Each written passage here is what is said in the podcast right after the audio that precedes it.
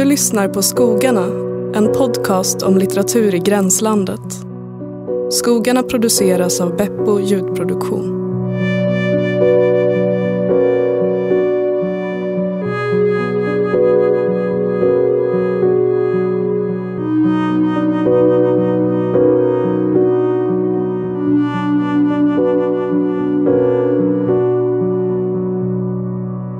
Vad kul att se er. Det var en månad sedan.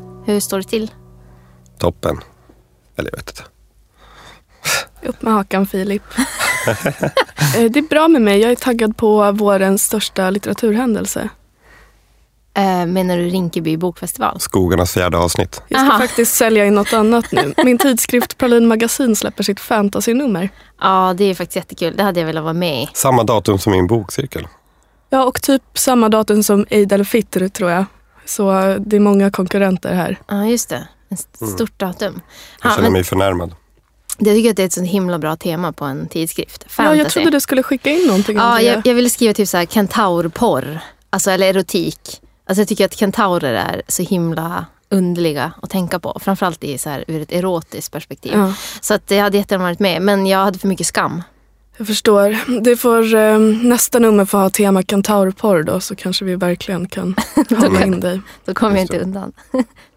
ja. Men Filip Toppen sa du med en melankolisk röst. Men toppen är väl någonting man säger, eller jag, som jag säger i alla fall. Det är ett bra ord. Eh, men idag är det ganska bra. Jag är lite trött. Hade en bra helg. Mm. Var på äventyr.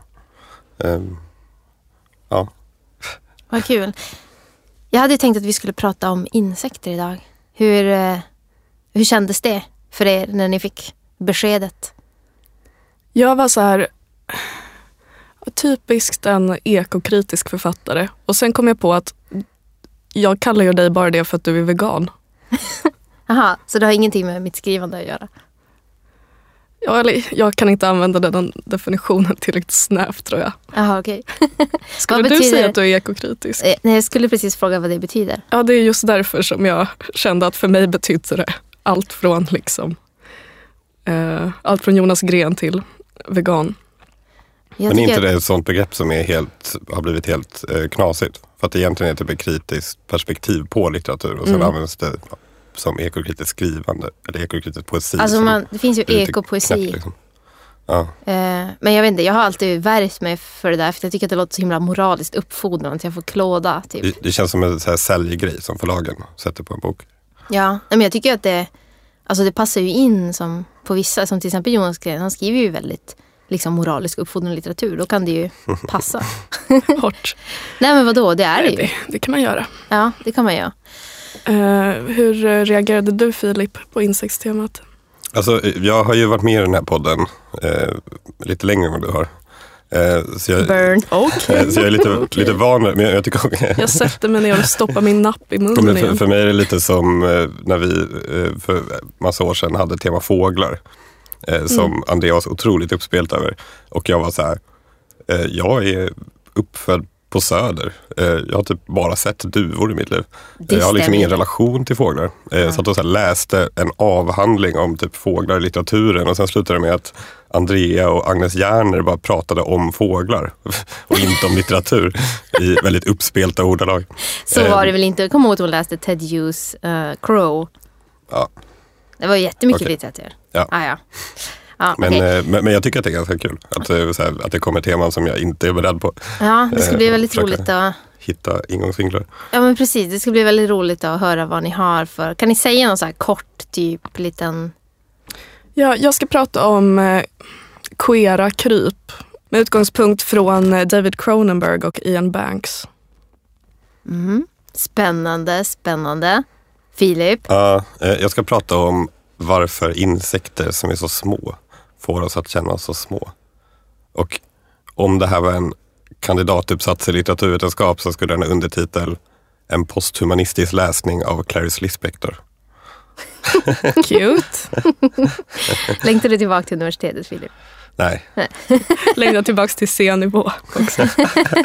Ehm, vad, vad ska du prata om Andrea?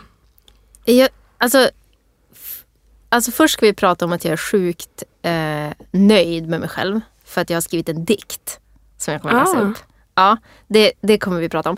Eller det kommer jag prata om, min nöjdhet. Men sen så vi- visste jag inte riktigt vad jag skulle prata om men då blev det i alla fall Alltså typ skrivande och kryp och typ hur skrivande författare skriver om skrivande med hjälp av kryp. Men eh, vi får se. Och sen lite generellt om kry, alltså insekter. Eh, förlåt, det där var min korta beskrivning. Jag har, ing, jag har ingen hisspitch idag. Tyvärr. på mitt tema. Du har en dikt, det är mer än gott nog. Ja, och den är lång som fan också. Nej, jag skojar. Okej, men jag skulle vilja fråga, innan vi liksom sätter igång, så skulle jag vilja fråga dig Maria, insekter. Förutom att du hade den här dryga ingången om att det var typiskt en ekokritisk författare, att vilja prata om insekter i litteraturen. Vad är din liksom, relation till faktiska insekter? Um, får se nu. Eh, personligen så delar jag ju namn med en insekt på sätt och vis. Maria Nyckelpiga. Annars så tror jag att jag har en ganska negativ relation till insekter. Eh, jag har levt i flera hem med eh, nattsmyg eller silverfiskar som nog ändå räknas som insekter trots fisknamnet. Tror inte att de räknas som insekter men De räknas inte som fis- fiskar heller. De räknas inte som varelser i Guds skapelse. jo då. Ja, men myror också till exempel. Ja. Har jag haft som skadedjur. Ja, Ehm, så um, ändå så pass att jag kan drömma mardrömmar om, om insekter. Liksom. okej. Eh, ja. Ha. Ja, det var ju sjukt deppigt. Du bara, jag vet inget om insekter och du bara, jag hatar insekter. Men, men jag är lite så här neutralt men lutande åt det negativa hållet tror jag. Ja, Jag förstår. Ehm, Men det var kul att tänka på det. Det, det, det, det är spännande som koncept men de är ganska tråkiga i, världen. Fast det är de ju verkligen inte. Det är det som är så himla dumt. Alltså det finns ju typ ingenting mer intressant och spännande och magiskt än Men jag sa ju att det var intressant. Ah, Men ja. eh, jag vill bara inte ha dem på mig. Flickor bråkar inte nu. I alla fall. Eh, jag menar, på sistone har det varit jättemycket tjat om insekter för att vi typ dör utan dem. Som ni kanske vet. Det kommer jättemycket böcker om insekter och hur viktiga de är och så. Eh, men det är inte därför jag vill prata om dem. Jag vill prata om dem för att de är så himla sjuka. Alltså hur de lever. Och bara för att exemplifiera hur sjuka insekter är så ska jag läsa en liten dikt. Som Thomas Tidholm har skrivit i boken Jordlöparens bok. Ehm, en underbar bok. Underbar bok som skrevs som en del av projektet Konst för fåglar, humlor, skalbaggar, maskar och svampar på Konsthall Norra Kvarken, Järnes klubb i Nordmaling. Kul grej va? Väldigt. Hela boken är underbar. Den blev till och med nominerad till Augustpriset när den kom. Vilket gör att den är inte så komplicerad för de nominerar aldrig komplicerade diktsamlingar. Typ till Augustpriset. Okej, nu ska ni få höra en dikt av Thomas Tidholm som handlar om hur coola insekter är. Och sjuka. En larv har paralyserat en nyckelpiga. De satt på ett blad. Larven hade något slags snabel som satt instucken i nyckelpigan som den alltså åt av eller på något sätt sög musten ur. Detta pågick en längre tid, dagar, kanske veckor, ända tills larven var nöjd och fann för gott att dra sig ur. För att därefter förpuppa sig och, hej då, bli något helt annat. Nyckelpigan vaknade så småningom och kröp vidare. Sånt händer hela tiden. Grym, grym avslutning. Eller hur? Och det är det jag menar som är så coolt med insekter. De typ äter varandra levande, konstant. Och så här, ni vet den där serien som går på typ HBO eller Netflix, jag vet inte vilken, som heter The Last of Us, som handlar om zombies. Det är ju också coolt. Stackars De är- insekter som får, De är svampar väl? Ja, som får i sig svampar och sen blir helt så här ah, manipulerade, att klättra högt upp och sen så bara exploderar av en svamp som växer ut ur kroppen. Alltså det är så typiskt, sånt händer i insekters liv hela tiden. Och det är det som är så sjukt. Plus att de är så vackra och coola och så.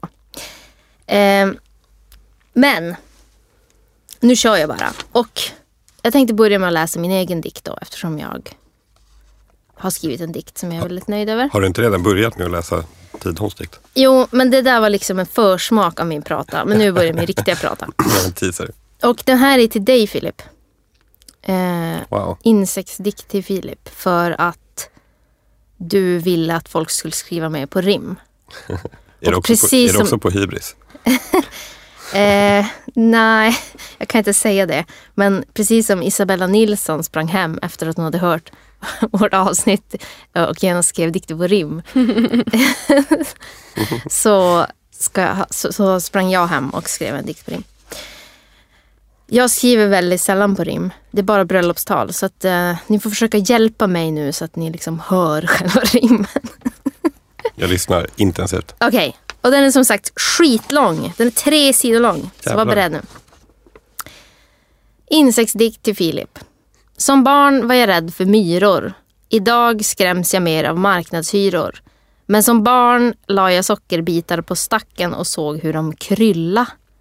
Backa sen snabbt för att inte ha mig själv att skylla. Om de lyckades ta sig upp under byxans ben. Detta är ett typexempel på rädslans fenomen. Precis som Rödluvan ju ville krypa ner hos vargen i mormors säng har jag också alltid dragits mot något tabu, nämligen insekter i gäng.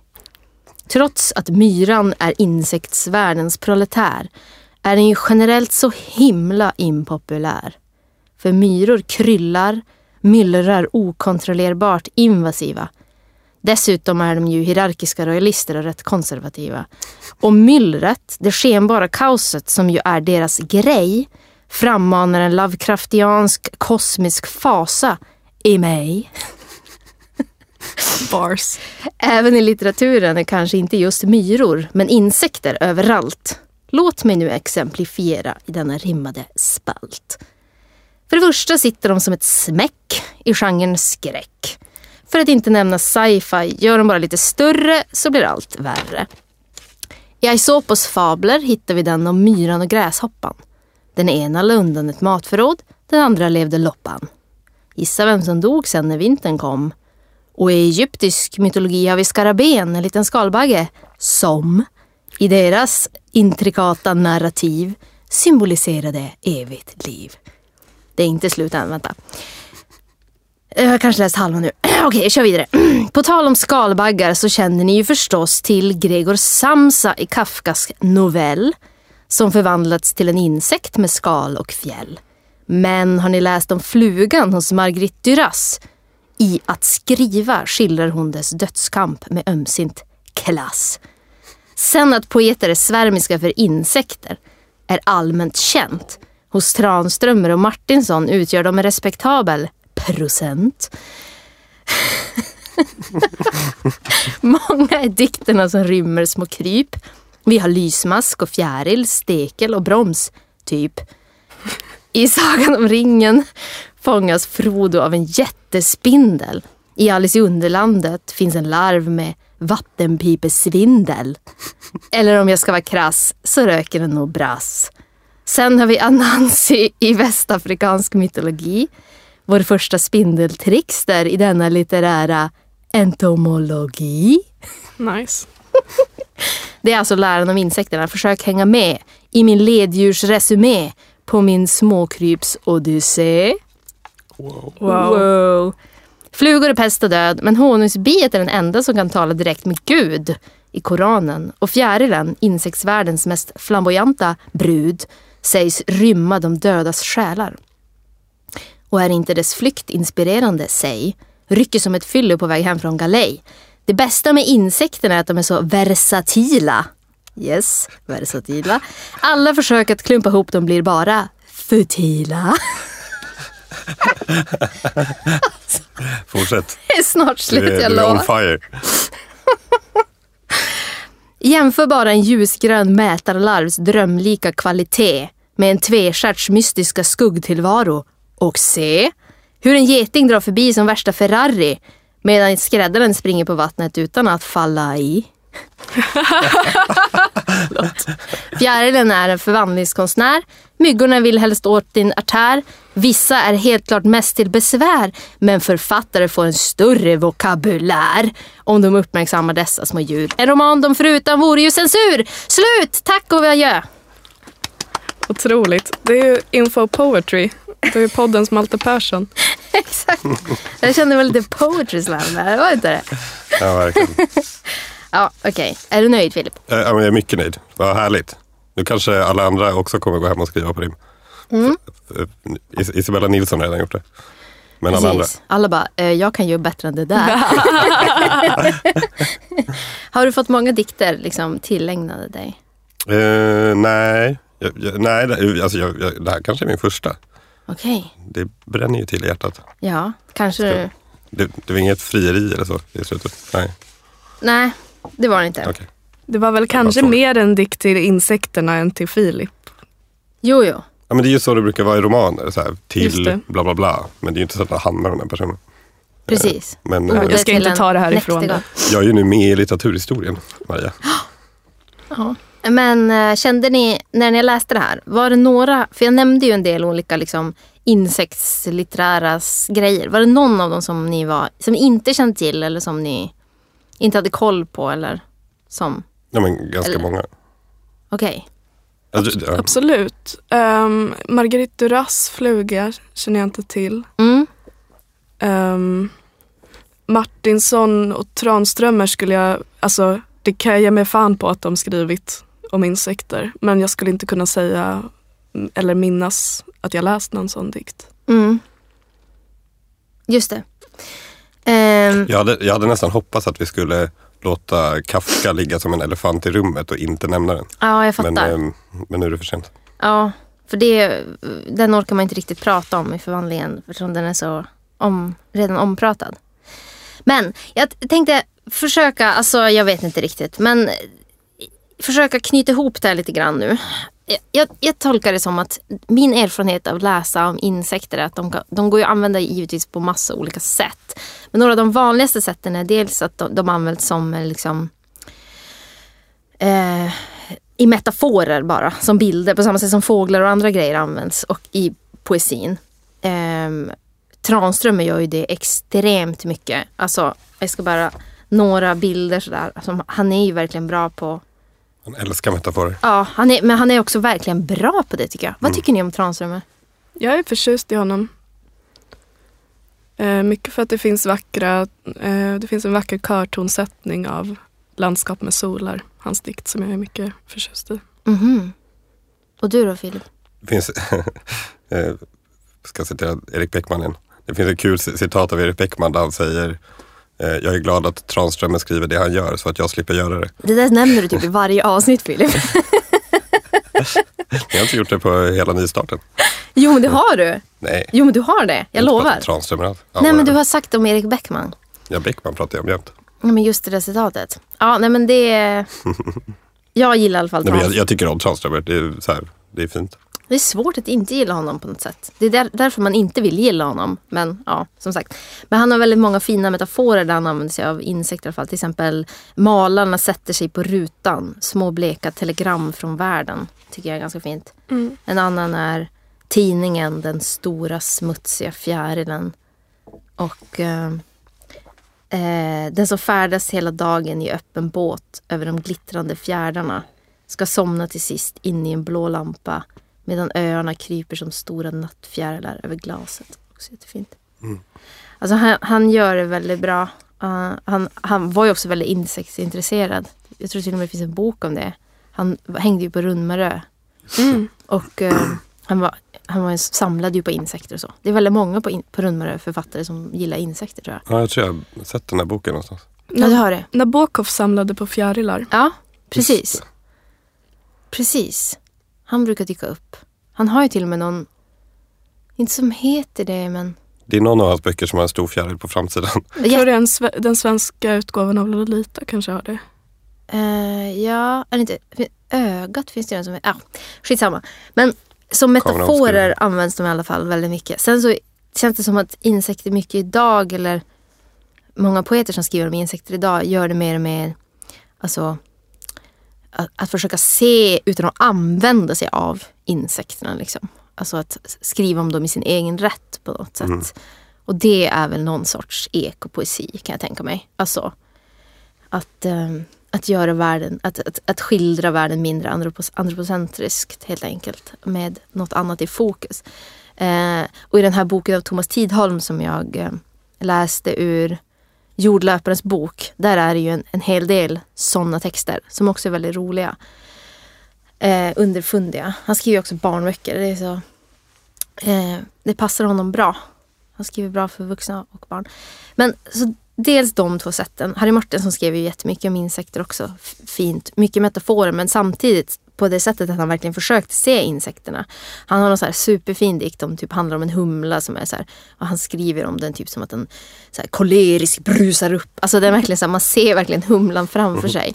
Och eh, jag vet inte varför men jag älskar verkligen att läsa den typen av naturpoesi. Ehm, även om jag själv typ ofta använder mig av natur eh, ting eller varelser för att liksom till någonting annat, alltså som besjälande eller att man använder det för att skapa en stämning eller för att Alltså sina egna syften liksom. Eller man kanske använder sig av en kulturell föreställning om ett särskilt djur eller en insekt eller någonting. Men- kan man skriva om någonting utan att, liksom, att det finns ett syfte med? Eller, eller, och det blir ju en, ett syfte i Jo, men med, med ett syfte som är annat än att skildra arten, så att säga. Alltså Ja. till skillnad från, som jag uppfattar att det är många poeter som kanske gör mer idag. Men, inte, Eller- ja, men inte det också liksom, ja, whatever, det spelar ingen roll. Men det blir också liksom, det är ett stämningsskapande i sig. Liksom. Eller det är ett ställningstagande i sig att försöka göra det. Eh, Ingenting är ju bara neutralt. Liksom. Nej precis, så är det ju verkligen. Jag menar skriver du om en humla då får man ju en rätt soft känsla. Humlor är så himla gulliga liksom. Till skillnad om man skriver om en tvestjärt som är superäckliga. Alltså jag gillar de flesta insekter men tvestjärtar tycker jag är ganska äckliga. För en gång kom det ut en ur en, ur en broccoli som jag höll på att eh, tillaga. Och då, det, det tyckte jag var äckligt. Plus att de brukar krypa in i folks öron. Och det tycker jag är är väldigt integritetskränkande. Jag tror att jag tycker att tvestjärtar är äckliga bara för att min mamma alltid har hatat tvestjärtar. Men jag tror jag egentligen inte har någonting emot dem. Eller de är ju, jag vill inte ha dem i örat. Men Men jag vet inte, nu... Jag brukar alltid säga till folk som är så här rädda för... Det vanligaste är ju att folk är rädda för spindlar och sånt. Jag brukar alltid säga åt dem att de ska i alla sociala medier följa så här spindel eller insektskonton beroende på vad de har för, för, för rädslor. För då fylls flödet så här med jämna mellanrum så kommer det upp så här bilder på insekter. Då normaliseras de och så blir det liksom avdramatiserat. Och jag vet flera som är som har spindelfobi som har använt den metoden och blivit mycket bättre. jag hörde eh, Källa, min psykologkompis, eh, det vill säga inte en så välgrundad källa kanske, eh, att spindelfobi... Vadå för att psykologer alltid ljuger? Nej men det, det är inte en sån bok jag läst. Det, jag pratade om vad jag skulle, jag försökte hitta på vad jag skulle prata om i avsnittet och prata med min kompis. Eh, och hon eh, hetsade upp sig och sa massa saker. Bland annat att eh, det finns i, teorier om att eh, spindelfobi är liksom inneboende i liksom, människan på något sätt. Att den liksom är eh, nedärvd, att det inte bara är så här en inlärd kulturell symbol utan det liksom finns en många tusen år liksom, i våra hjärnor på något sätt. Det säger de ju också om eh, så här, ormars rörelsemönster och sånt. Och de har ju också gjort så massa tester typ med katter, typ att de lägger fram så här, typ en, en låtsasorm och att de har så här, reagerar alltid skitstarkt på den formen. Att det så sitter någonting. Så så kan det väl vara i och för sig. En överlevnadsgrej. Jag vet inte. Eh, men i alla fall. Men, så de två sätten. Alltså ändra att, att skriva insekter för att liksom i, i sin egen rätt. Eh, eller att göra det som metaforer för en an, i ett annat syfte. Liksom, att man använder sig av kvaliteter på olika sätt. Tranströmer gör väl kanske båda egentligen men mest att han använder dem för någonting annat. typ. Om jag ska vara väldigt så här förenklande. Eh, sen så typ en av mina favoritsätt är som Birgitta Trotzig gör. Även om det inte är så eko-poetiskt vänligt att göra så. Eh, jag tvingade er att läsa en liten eh, novell av henne som är bara en halv sida lång som heter Flickan och fjärilen. Som Kan du inte läsa den? Mm, jag tänkte göra det eftersom den är så kort. Som jag tycker är jättefin. Och också så... Alltså Birgitta Trotzig är ju en av mina favoritförfattare. Hon har påverkat mig alltså för mycket. För mycket har hon påverkat mig. Hon är också en sån här författare. Har ni såna, du vet om man typ googlar eller kollar på Youtube och så om man hittar någon intervju så är det alltid så här varenda ord som den människan säger är liksom så här Alltså vilken smart person. Fantastiskt. Har ni någon sån som alltid så levererar typ Så jävla tänkt. Alltså, jag, jag tycker att Kristina Lugn är briljant i alla Mm. intervjuer. Jag borde kanske googla mer på henne. Har du någon Maria? Nej, tyvärr inte. Det finns eh, eh, det här allvarligt talat eller vad det heter på SR. Mm. Eh, som är folk som frågar olika författare. Ibland är det typ Liv Strömquist och Bengt Olsson eller någonting. Eh, men det finns några sådana avsnitt med eh, med eh, Kristina Lugn. Som är eh, otroliga. Ah, wow, jag måste lyssna på det. Um, Okej, men nu ska jag i alla fall läsa den här korta, korta novellen. Då. Den är i, eh, kommer från en sen bok av Trotsig som heter I kejsarens tid som är min favoritbok av henne. Det är en novellsamling. Jag har försökt få Mm. tag i den bara för att du hetsar om den. Men har inte lyckats få tag i Ja, jag den. vet, jag har som sagt bara den här gamla pocketen. Den köpte jag på antikvariat någon gång. Den kom 1975. Det är sagor. Alltså hon kallar ju oftast sina berättelser för sagor. Skitsamma, nu ska jag läsa. Så här. Och sen ska ni få göra en tolkning som en läxa eftersom jag tvingat er att läsa den. Det var en gång en flicka som skulle gifta sig. Det kom hon aldrig att göra. En dag satt hon i ett fönster. Då kom plötsligt en fjäril och slog sig ner på hennes arm. Den darrade med sina vingar. Nu lyfte den något och höll sig vibrerande, svävande med snabeln utsträckt, snuddande vid hennes arm, hennes kinder, hennes panna och tinningar. Riken och välden störtade omkull ner i tystnaden. Flickan satt leende, utsugen, förhärjad i fönstret i en evighet. En dag började hon spricka upp från halsen och neråt som en larvhud och den grå, lena puppan blev synlig. Mm, Så fin. den är jättefin. Mm. Här är det ju fjärilen som är alltså, i centrum. Den är ju väldigt tack- tacksam eftersom den är så, alltså hela transformationen. Mm. Mm. Eh, men vad, vad tycker ni om den här texten? Eller vad? Jag tycker den är rolig för att ehm, den... eh, Det kan vara att eh, det är det här som jag är inne på nu men den, det jag tänker om den kopplar en hel del till vad jag kommer prata om senare om liksom queerhet och sånt. Att eh, eh, jag tänker att det som gör insekter så hänförande eller främmande också är att de har ett liksom reproduktionssystem och en könsmognande, eller vad man ska säga, som är så himla främmande från oss. Mm. Alltså, eh, nu är jag ingen biolog eller, Entomolog? eller entomolog eller marinbiolog eller någonting. Men jag tänker att många andra sorters djur, även de som inte är däggdjur, eh, lever ändå på ett sätt där de först är en liten version av sig själva och sen, blir den, sen ökar i storlek tills de är Mm. vuxna. Ehm, och då är insekter så eh, liksom sprängande av den modellen. Ja, verkligen. Ehm, och att uh, fjärilen sätts i relation också till det här alltså att gifta sig som är på något sätt kvinnoblivande eller vuxenblivande Mm. för människan. Uh, får mig att tänka det ännu mer. Liksom. Mm.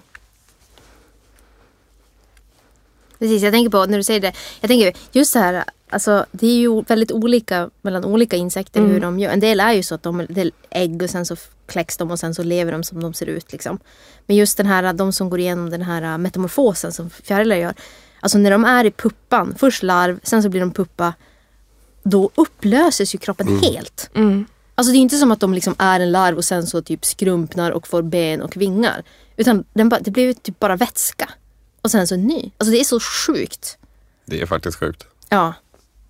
Och sen att det kommer ut, alltså larven kan ju ibland se rätt ful ut. Ofta är de ju ganska gulliga tycker jag. Ja. Eh, ganska gulliga. Jag tycker att de, som jag sa i min vackra dikt tidigare, att de har typ en drömlig kvalitet. Framförallt de som har så här, ni vet, så här grön, alltså sidenaktig Mm. hud. Och sen så kommer de ut ibland otroligt vackra fjärilar. Mm. Vad, vad, vad tyckte du Filip, eller vad tänkte du om Birgittas fjäril? Ehm, så, den, den har ju verkligen den här sagolika kvaliteten i tonen liksom, som Mm. är väldigt fin. Men eh, jag tycker att den också är i sin form på något sätt Eh, alltså gamla sagor brukar ofta ha en sån moral, liksom, eller en så här tydlig betydelse. Det här, det här är för att, du, för att rödluvan inte ska gå ut i skogen. För att, eller någonting, jag vet inte. Um, och att den inte har det, att den är ganska öppen. Liksom, och man kan ju absolut läsa den som något slags vuxenblivande. Man kan också läsa den som att det är döden som kommer. Alltså, Som stjärnen som kom, spricker ut. Liksom, tänker jag. Som fjärilen som symbol för människans själ. Liksom. Men jag tänker att det också är att liksom ruta in den för mycket på något sätt. Jag tycker, jag tycker att det är så spännande med henne för att hon ofta skriver så arkaiska texter. Alltså att det känns som att tiden är... eh, Att det är som att tiden, eh, det kan vara när som helst. Det, det här skulle till och med kunna vara nutid typ. Eller så här, ja men 75 när den skrevs. Men just, och sen det där, här är det ju också det där riken, väl, eller riken störtade i, alltså att tiden går jätte, jätte fort eller långsamt liksom. Och samtidigt att hon ofta jobbar med så här, det här skalet, att människan är någonting annat inuti. Att, det är något, de, att den här frasiga kvaliteten som insekter har, alltså deras vingar och deras det här chitin, kitin, eh, alltså rustningarna. Själva skalkroppen är gjort av ett ämne som heter chitin. Och eh, jag vet inte, det är någonting med det som jag tycker är så, så intressant. Den är så oväntad på något sätt. Det tänker jag också ändå lite med, eh, för den bilden av liksom den uppsprickande kroppen som visar ett annat väsen i sig. Att för mig så tycker jag att det är en uppståndelsebild också angående trotsigs-tro och så.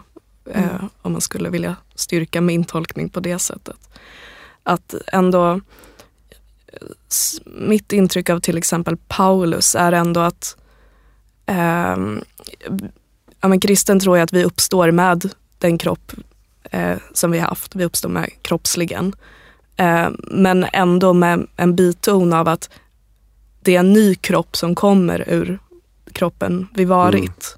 Eh, att det finns en metamorfoskänsla eh, som svävar runt uppståndelsetanken.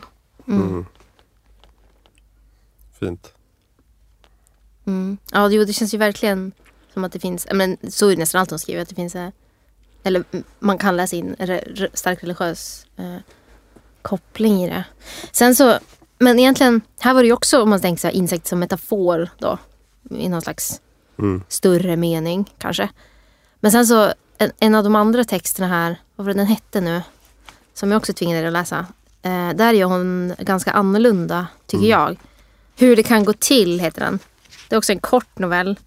Det, det, det är också en så arkaisk saga, sagokänsla. Det handlar om en stad och ehm, eh, det kommer en massa bepansrade män dit. Eh, som som liksom bosätter sig uppe på en, i en borg, typ på en kulle. Och, och sen så typ rövar de bort flickor, eh, unga kvinnor ur staden. Så här. Och ingen vågar göra någonting.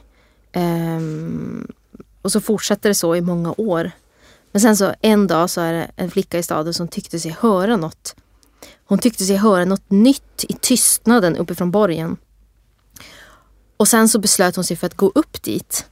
Och när hon kommer dit så ser hon att liksom de, här männen, en och en inkrupna i de hörn och vrår där ännu en smula lindrande mörker kunde dröja sig kvar satt de väldiga, mjuka, sjuka insekterna tätt mot väggarna. De höll liksom på att rinna ut ur sig själva. Men från deras döende steg tystnaden upp som inte var tystnad utan när man kom nära hade en kärna av ljud ett slags surrande som från en avlägsen men enorm, ja, enorm bikupa. Ja, väldig som om det var själva världens kärna och byggnadsstomme som hade besatts och infiltrerats och nu avgav det enorma vibrerande insektsljudet. Ehm, och sen så kort därefter, hon blir liksom typ utstött efter det här i byn. Eh, men hon grips senare Eh, och eh, hon hade för, för att hon hade för, förgripit sig på makten är hennes dom. Och straffet för det är kvick i jord, alltså det vill säga levande begravd.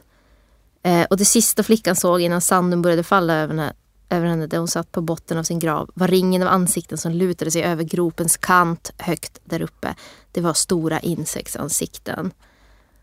Så hon, och där tar slut. Hon, så hon använde liksom insekterna här på ett helt annorlunda sätt tycker jag. Mer som, alltså, som förfrämligande eller som, Mm. som äckliga eller som var nästan som utomjordiska. Som verkligen som ky- Det finns ju en kvalitet hos många insekter som är otäck eftersom de, de, de har ett mekaniskt sätt att röra sig på, till skillnad från oss. Alltså, om man tänker på hur en fjäril rör sig. Den, den rör sig ju helt, liksom, helt främmande från oss. Alltså, det närmaste är ju typ som ett fyllo eller någonting. Alltså så här väldigt ryckigt så. Och insekterna de... Tänk de, de här eh, stora syrsorna eller bönsyrsorna. Liksom, och så är de som med huvudet. Det är inte konstigt att man använder dem i science fiction. Verkligen. Alltså bara gör dem lite större så blir allt värre som i Alien till exempel. Det finns en, en kyla i vår tolkning av dem. Så, som, som jag tänker att Trotsig använder sig av här. Också med alltså, de små, små insektsansiktena som är så otroligt svåra för oss att tolka. Det finns inga ögon att möta riktigt. Ibland, de har ju förstås ögon, många insekter, inte alla. Men, men det är ändå liksom, vi kan inte få den här kontakten som vi kan få med med eh, även liksom en kopparödla eller kop- kopparorm eller um, även riktigt små djur. Så. Mm. så det är väldigt svårt för oss att få kontakt med dem. Och att det är det hon använder sig av där. Eh, det, är en väldigt stor skillnad på liksom hur insektens användning i den där texten och den här med fjärilen. Där hon mer kanske appellerar till någon slags eh, symbol, skönhets evighetsförvandlingsvärde liksom, i den. så. Ehm, som laboratoriepersonal, en del insekter, tänker jag. Och det är också, jag läste en annan fin text om Hur, hur menar du? Nej men alltså det, det, att det finns någonting med hur de, liksom, när de rör sig, när de, alltså som när typ, när två myror möts, jag brukar titta på myror jättemycket. Eh, alltså de liksom, ni vet de fingrar liksom på varandra så här. Det finns något så här, eh, de, de använder ju sinnen på ett helt annat sätt än vad vi gör. Och så, det är någonting med det där som är så himla fascinerande för att tänker oss att vi skulle göra så på varandra, skulle vara, det är så främmande eftersom vi har helt andra sinnen liksom. Så att eh, jag tänker att det är därför många är så rädda för dem. Och eh, att det, det, det är det som är eh, både det fascinerande men också det skrämmande med dem. Sen så eh, Marituras fluga ska jag nämna lite snabbt. Hon skriver ju i, har ni läst den här boken Att skriva? Så jag läste delar av den för länge sedan. Den ligger hemma i högarna någonstans. Du nickar Maria. Samma här. Jag läste den på Folkis. Jag tycker att Kursivt. Just det. Jag, jag tycker att hon är så rolig, Margit Rass, för att hon uttalar allting hon säger typ med så här sanningsanspråk. Det är så otroligt auktoritärt. Men hon, är, hon är som en kille på fest. hon är så en kille på fest. Ja, precis. Men i alla fall, i den här boken så skriver hon ju typ att hon sitter i ett hus och titt, råkar hamna i, när hon tittar på en fluga som dör. Alltså kanske tar några minuter eller 15 sekunder. Alltså liksom hur den, hur den håller på att ramla ner från väggen och sådär. Och hon, hon kopplar det här till skrivandet på något eh, abstrakt sätt. Liksom. Eh, alltså hon, hon, hon, hon, hon skriver typ om hennes närvaro gör döden mycket grymmare för att hon bara tittar på den så. Eh, men, hon, men hon lever sig verkligen in i flugans död på ett sätt som ju är ganska ovanligt eftersom de flesta skiter i flugor. så. Men hon närmar sig också, hon sä- säger så här lite mystiskt. Eh, det är också bra om skrivandet leder dit, till flugan, i dess dödskamp. Jag menar att skriva fasan i att skriva. Eh, Saftigt. Verkligen. ja, jag vet inte riktigt om jag förstår vad hon menar. Inte jag heller, men jag gillar det. Men efter att jag hade läst det så kunde jag inte låta bli att ta upp en annan bok som jag tycker om väldigt mycket som är skriven av Annie Dillard som heter Det skrivande livet. Har inte läst. Ehm, Samma sak. Läst på Folkis kursivt. Ja. Och här så typ kryllar det av insekter. Det är som att hon bara har insekter när hon ska prata om att skriva hur det är. Och må- många grejer är ganska roliga. Så jag tänkte kolla med er om ni kan känna igen er här. Eh, vet ni hur mätarlarv ser ut? Nej. Tunna, små, gröna och så går de liksom och kryper ihop kroppen Ah. så att det blir som en båge upp. Så att det ser ut som att de mäter marken, sträcker ut sig, där Ja, rör ihop sig. Så. Det är kul. Supergulliga. Och hon skriver så här. Det finns få åsyner så absurda som en mätarlarv som lever sitt idiotiska liv. Mätarlarverna ska bli malare eller fjärilar. Ett nifly till exempel är en larv. Jag ser ofta en larv Den är en smal ljusgrön varelse, blek och tunn som en ven, tumslång och alldeles uppenbart inte lämpad för ett liv i denna värld. Den förbrukar sina dagar i, ständigt, i ständig panik. Varje larv jag har sett har suttit fast i högt gräs. Den stackars larven hänger från ett grässtrå och kastar med huvudet från sida till sida, ser ut att jämra sig. Va? Inte längre! Och så skri skriver hon ganska länge om typ hur den försöker famla liksom i luften efter någonting att få tag i. Och det, det har ni säkert också sett någon Ja, gång. absolut. Så du ser Filip, du ser ju insekter. Eh, världens enda, inte längre, inte längre. Och, så här och sen så är det en lång, ett långt stycke om det där. Blinda, desperata dumskallen lyckas ta sig från ett gräsrå vidare till ett annat. Där den sedan i flera timmar klättrar upp för fullständig hysteri. Varje steg leder mot universums slut och nu, va? Inte längre? Ah. Kan du inte bara hoppa, säger jag full av avsmak. Gör slut på ditt lidande. Och ni kan väl förstå liknelsen med att skriva här. Absolut. Every day. Men det är så kul med den blicken, berätta blicken som är men ta livet av dig. Det kan man också ha på sitt eget skrivande. Ja precis, vad, vad fan håller du på för? Gör någonting annat. Bli sjuksköterska eller typ. Ja. Så det är en av hennes insekter som jag verkligen kan sympatisera med. Och sen så pratar de om hur det är när man kör fast i en bok. När man har kommit en bit in och inte längre vet vad som kommer hända och inte kan man, man, man vet vad som ska hända eller liksom vad man ska hålla på med. Men det går inte. Liksom. När du varje morgon i en vecka eller en månad stiger in i dess rum och vänder ryggen åt den, då har problemet eh, och så har hon en liten utläggning om det. Men sen så kommer hon då till insekten här. Och då börjar hon prata om bin. Det här är löst, det här är liksom prakt, det här är ett skrivtips från Annie Dillard. Hon pratar om att man ska fånga ett bi. Man ska fånga ett bi när benen är tunga av pollen. Då är den på väg hem. Det är enkelt att fånga ett bi och så skriver hon lite grann om det. Hur man ska göra för att fånga det. Och sen så ska man gå med biet till en öppen plats i närheten. Helst högt belägen. Och släppa det och se vart den flyger. Håll ögonen på det så länge du kan se det och skynda till den senast observerade platsen. Vänta där tills du ser ett annat bi. Fånga det, släpp det och titta. Ja, och så vidare och så vidare. Det här, det här sättet ska man skriva på, säger hon alltså. På samma sätt leder en bok sin författare. Eh, för hon menar då att alla bin flyger tillbaka till honungsträdet. Så det finns liksom ett tema. Ja, jag tycker inte den är lika bra som Ätarlarven, men det är också ett tips. Och tips är aldrig lika bra. Sen min favoritbild. Mätarlarven är väl inte riktigt ett tips. Nej, det är mer bara Ett tillstånd. Eh, Ja. ja, ett tillstånd av des, desperat idioti. Och min favorit min favoritinsekt som hon skriver om ehm, som jag verkligen kan eh, sympatisera med är alltså så här. Hon, hon står på en båt och så ser hon en, eh, en tung mal sitta på relingen. Vänd mot vattnet. Alltså en riktigt stor mal, en svärmare, en dagaktiv. Eh, de förväxlas ofta med kolibrier för att de, det låter så måste de liksom överladda sina vingar med syre. Så du vet de så här vibrerar skitmycket så innan de lyfter.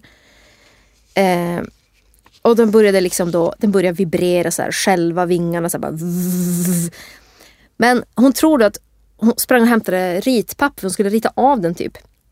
Men kanske skrämde hon den eller någonting. För så här skriver hon. Efter att ha vibrerat så kraftigt att det såg ut att vara på väg att explodera flög malen iväg.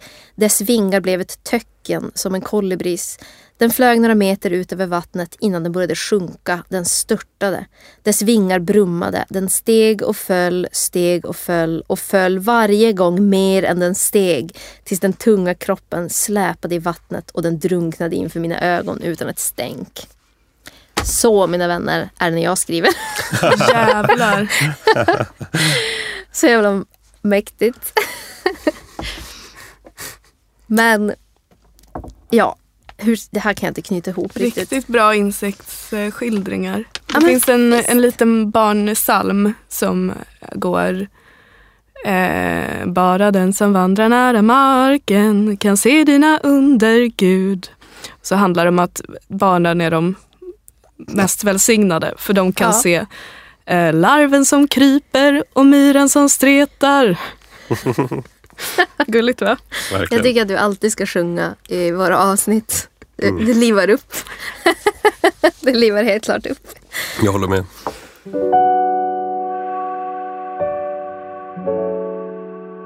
Ehm, ja, men det, det, det är nog ganska eh, bra övergång kanske. För att det, det är ganska mycket i vad jag säger som liksom kopplar an lite grann tycker jag.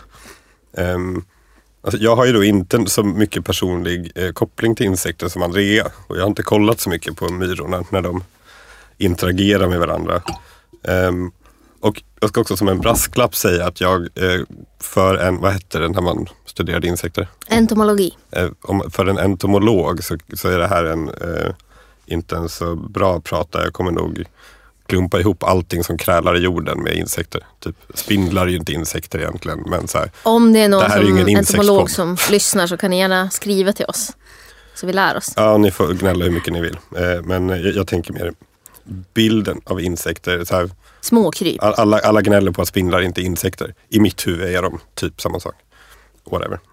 Eh, eh, Eh, och, det är någonting med vår, alltså, just det här typ att vi har den här rädslan för spindlar. Eller, eh, det finns ju en slags ganska spänd relation till insekter tänker jag. I hela kulturhistorien, men i, de flesta människor. Ehm, eh, och jag också källa min psykologkompis så är en av de vanligaste hallucinationerna liksom, när man typ går in i en så här allvarlig psykos eller typ när man är på avtändning och liksom får, får sådana psykoser är insekter som kryper på kroppen. Typ. Um, och, um, och, och jag tänker också på det här, um, det har ju börjat studeras på så här mer miljövänliga alternativ till spannmål typ som är gjort på insekter eh, som har ju tagits emot otroligt negativt för att det känns väldigt äckligt. Liksom. Men samtidigt som att folk äter kräftor eller någonting som typ ser ut som insekter. Ehm, och ehm, ja, Det är någonting speciellt med vår relation till insekter, att det känns äckligt. Liksom. Ehm, och jag tänker liksom prata lite om det, vad, vad fan grejen är med de här små eh, krypen och varför vi bryr oss så mycket om eh, om dem. Eller varför de fram, framkallar så mycket känslor kanske snarare. Ehm, och som utgångspunkt då så kommer jag prata om Clarice Lispector och hennes roman eh, Passionen enligt GH. Eh, som är väl eh, en coolare version av Kafka, eller mindre uttjatad version av Kafka. Dålig beskrivning av boken. Eh, Lispector är i alla fall brasiliansk författare. Eh, en av de stora brasilianska moderna författarna tänker jag. Ehm, eh, född på 40-talet. Nej. Eh, hennes första, hon debuterade på 40-talet. Ehm, dog 77, skrev massa romaner och noveller fram till dess. Ehm, hon lyftes fram av Hélène Cixous som är väl så här franska moderna eh, teorin och litteraturens grand madame. Ehm, som ett eh, exempel på um, kvinnligt skrivande. Vet du på vilket sätt hon menade att det var kvinnligt skrivande? Nej, jag, jag vet inte. Så det här mm, uttrycket ekityr feminin och kvinnligt skrivande um, orkar nog inte gå in jättemycket på här. Men, eh, och ha, så här, tycker att det är lite svårdefinierat och Ja. svårt att förhålla sig till. Mm. Ehm, och ofta typ jag vet inte, slarvigt, eh, svepande tolkat också. Ja, Ja. Men man kan, man kan googla på ekrityr feminin. Ja. det, är, det är ett spännande koncept. det är det verkligen. Ehm, men eh, nu pratar vi om insekter. Eh, och eh, romanen då, Passionen enligt GH, kom 64. Eh, handlar om en kvinnas intensiva inre förvandling i mötet med en kackerlacka. Ehm, och den utspelar sig, hon är liksom Den här kvinnan är liksom beskriven som ganska, vad säger man? Hon är liksom ganska enskild på något sätt. Att hon eh, bor ensam i sin lägenhet. Eh, hon har inga människor att förhålla sig till. Hon pratar ibland om sig själv i förhållande till liksom, societeten eller vänner eller så. Men de är helt frånvarande på ett sätt. Hon har ingen riktig ålder eller så här. Um, och den enda riktiga människan som finns i hennes medvetande är hennes hembiträde som har slutat, så hon är inte med. Liksom. Ehm, och det är här den tar vid, den här boken, när hon ska städa i lägenheten efter att hembiträdet har slutat. Och städning är en av hennes stora passioner, eller hon kallar det för sitt enda verkliga kall. Ehm, Varför har hon då haft ett hembiträde? ja, precis. Hon beskriver det också och det är för att hon hade råd. Ah. Och eh, visste inte vad hon skulle göra annars med pengarna. Typ. Någonting sånt där. Vilka Eh, problem. Så hon är väldigt taggad då på att städa. Hon ska då städa i hembiträdets rum som hon inte har sett på typ sex månader. Och liksom visualiserar hur det här är värsta kaoset där inne. Eh, Och kommer in dit och det är helt skinande rent. Eh, Och hon får en chock av det här. Liksom. Och inser, redan här börjar hon liksom rubbas på något sätt. Ehm, I att hon inte visste vem, den här, vem det här hembiträdet egentligen var. Liksom. Eh, och det säger också någonting om henne själv då i, i det här. Um, men sen då när hon flyttar på en byrå i det här rummet så får hon syn på den här stora kackerlackan på väggen. Um, och i det här mötet så går hon liksom in i någon slags ångestfyllt kristillstånd som liksom är resten av boken. Typ. Eh, Där hon på något sätt, det här kristillståndet liksom löser upp och vänder ut och in på hela hennes självbild och världsbild. Liksom. Um, och det är någonting med det som, um, ja, men som liksom bryter ner hennes murar uh, på något sätt. Uh, den här kackerlackan liksom tränger sig på henne. Um, eller typ tränger sig igenom den här bubblan av hur hon ser sig själv. Uh, och det beskrivs som ett äckel och ett hat men också typ en slags upphetsad lockelse nästan. Ehm, i slut, eller senare i boken så liksom dödar hon den här kackerlackan till slut. Jag tror hon klämmer den i dörren eller något sånt där. Så den spricker upp och det kommer ut här gulvitt slem. Liksom. Och eh, hon kan inte låta bli att smaka på det. Liksom. Eh, att det finns där. Typiskt överklassen som ska städa. Exakt. ja, det är ju intressant att hon har som passion att städa. Ja. Men det här hembiträdet gör det för att överleva. Ehm, men det är liksom någonting här eh, med insekten som blir... Men, jag tänker är att insekten liksom blir den ultimata icke-människan. Det är det som hon ställs inför. Alltså en form av så här extrem andre eller någonting. Ehm, och, eh, och den här icke-människorollen blir så stark här att den liksom ja, blir påträngande och att det finns någonting i det, i den här obehagskänslan gentemot insekter tänker jag. Eh, hänger ni med? Eller Ja. låter det rimligt? Hell yeah. Coolt. Eh, hon säger någonstans att så här, i det här mötet, så, eller efter det här mötet. Så hur ska jag nu kunna sätta igång en tanke i mig själv? Och är det bara tanken som kan rädda mig? Jag är rädd för passionen. Att det liksom, om det är någonting i, i det här som liksom eh, på något sätt bryter ner den här idén om det förnuftiga tänkandet. Eller så här, att vara människa på något sätt. Um, och så har jag några så här ingångsvinklar här. Det blir lite abstrakt, eller så här lite teoretiska begrepp. Uh, det, uh, hoppas att det inte blir för obegripligt att svepa med, uh, med akademin. Ehm, men jag har en poäng med det. Eh, jag tänker typ på Freuds begrepp Das Unheimliche. Uttalas det så? Kan inte tyska. Ehm, som eh, ehm, det finns typ ingen riktigt bra svensk översättning. Jag tror Horace Engdahl kallar det för det kusliga som är ganska, vet inte om det är så bra översättning, men kanske det olustiga. Jag tror på engelska brukar man säga uncanny. Ehm, och eh, det kommer från början från psykoanalysen men används mycket i kulturstudier. Eh, och det brukar beskrivas typ som en stark olustkänsla när det familjära inkräktas av någonting ofamiljärt. Eh, eller någonting som inte hör hemma bryter igenom det vardagliga och skapar en slags oba- obalans eller en form av osäker tillstånd mittemellan. Liksom. Ehm, och det här som händer GH då i, i romanen är ett slags väldigt stark upplevelse av Unheimliche. Eh, och eh, den här, hen, i, i hennes lägenhet så kommer den här kackerlackan Eh, och det är inte bara kackerlackan utan det är liksom den här icke-människan liksom, som bryter sig igenom hennes eh, uppbyggda bild av vem hon är på något sätt och hur man är.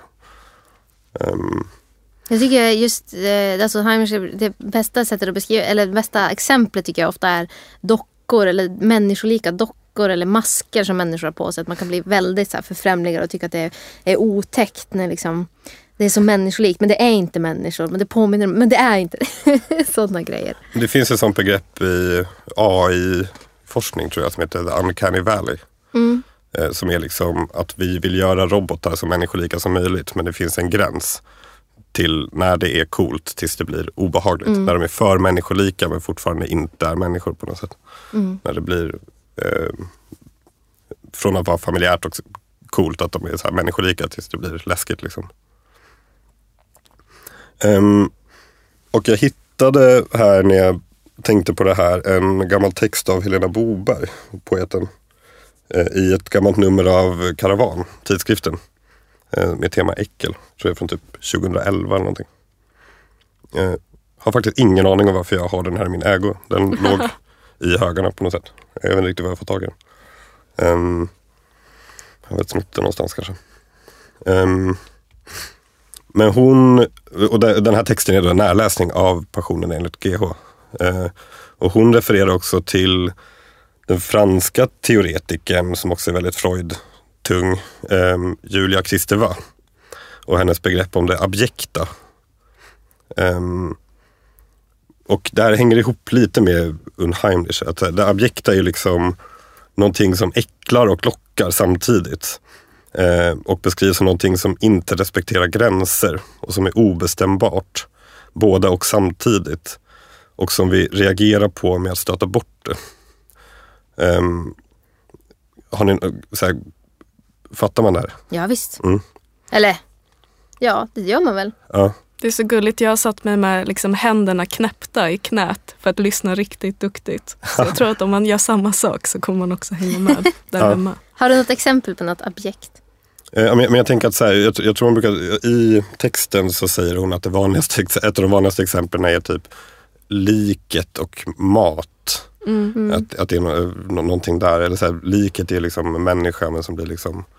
Eh, uh, mm, just det. Jag kommer ihåg. kadavret kanske. Jag hade en gång eh, eh, ena halvan av Lars Kepler som lärare på Stockholms universitet i litteraturvetenskap. Mm. Eh, Alexandra Sjöla Andoril. Och hon pratade just om Kristiva, kommer jag ihåg, och då sa hon att hennes exempel på vad något objekt var, det var meningen barnskor i Auschwitz.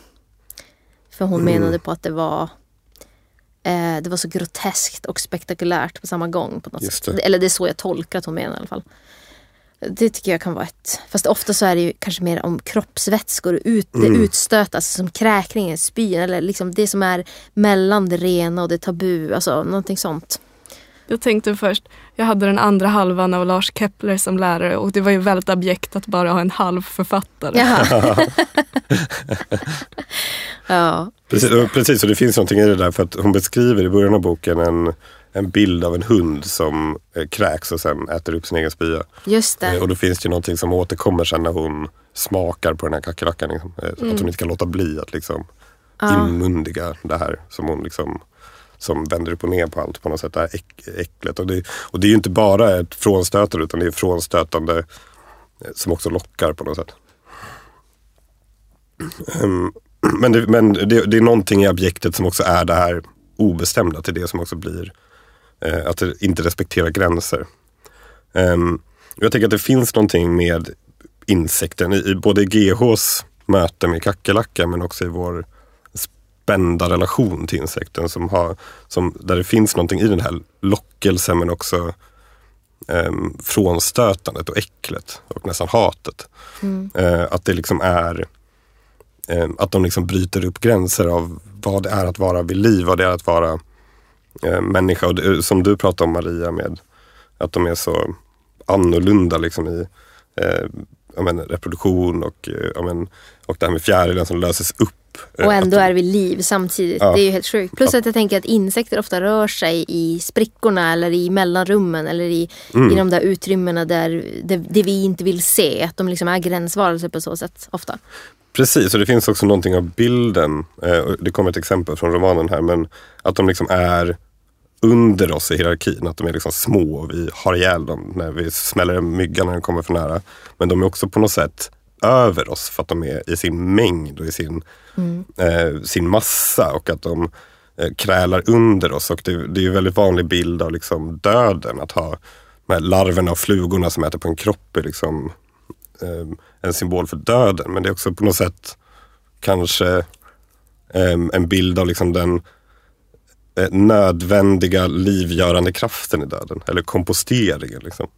Eh, att, det finns både, att de är både och på något sätt. Att de är både före och efter. Och liksom, att de är cirkulära på något sätt. Eh, tänker jag. Eh, och eh, i romanen så tänker GH så här när hon har sett den här kackerlackan. Då. En kackerlacka så gammal att den var uråldrig. En sak med kackerlackor som alltid hade äcklat mig är att de var föråldrade och ändå samtida. Att veta att de fanns på jorden, likadana som idag, redan innan dinosaurierna hade uppstått.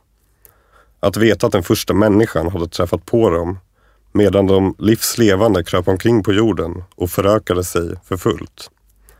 Att veta att de hade varit med när kol och oljelager bildats och att de var där både när de stora isarna bredde ut sig och sedan när de drog sig tillbaka. Det fridsamma motståndet. Det är fint. Eh, Att kackerlackan här blir liksom nästan oändlig. Medan människan då är, eller åtminstone individen, är liksom tillfällig på något sätt. Det, det där tycker jag är jätteintressant. Alltså, dels, dels att det blir, alltså, om deras motståndskraft då tänker jag. Alltså att de var, har varit längre än vi och kommer med största tro, trolighet också göra det framöver. Men sen tänker jag också just med kackerlackor och myror är väldigt tydligt det här med myllret. Som jag också tog upp lite i min dikt. Alltså just att de inte är, vi är så himla, vi har subjekt, vi är avskilda och enskilda precis som subjektet i i personen enligt GH. Men de myllrar och kryllar och invaderar och liksom, det går inte att, just det där med myror sa du Marien, att du fick någon myrinvasion. Det, är liksom, det är så svårt att eh, stå emot för de tar sig in överallt. De är så små, de liksom på så sätt kaosvarelser. Liksom. Verkligen. Och så annorlunda från oss som är en mjuk kropp som är lätt att döda. Liksom. Precis, jag kommer, kommer komma tillbaka lite till det där myllrandet. Eh, För det har verkligen med, med det här att göra. Eh, men eh, så, så det här var liksom så här, det- det abjekta och unheimliche som liksom där, där insekten på något sätt eh, blir i, hamnar i mellanrummet eller försätter oss i mellanrummet kanske. I ett osäkert tillstånd. Eh, Och det är det som händer med GH då i romanen. Eh, att, och i det så på något sätt löses hon upp. Och eh, hon ser på något sätt världen på riktigt. Men det här seendet är också blint på något sätt. Det går inte att beskriva för att det är på något sätt omänskligt eller någonting. Tänker jag. Att det finns någonting icke-mänskligt i hennes jagupplösning. Liksom.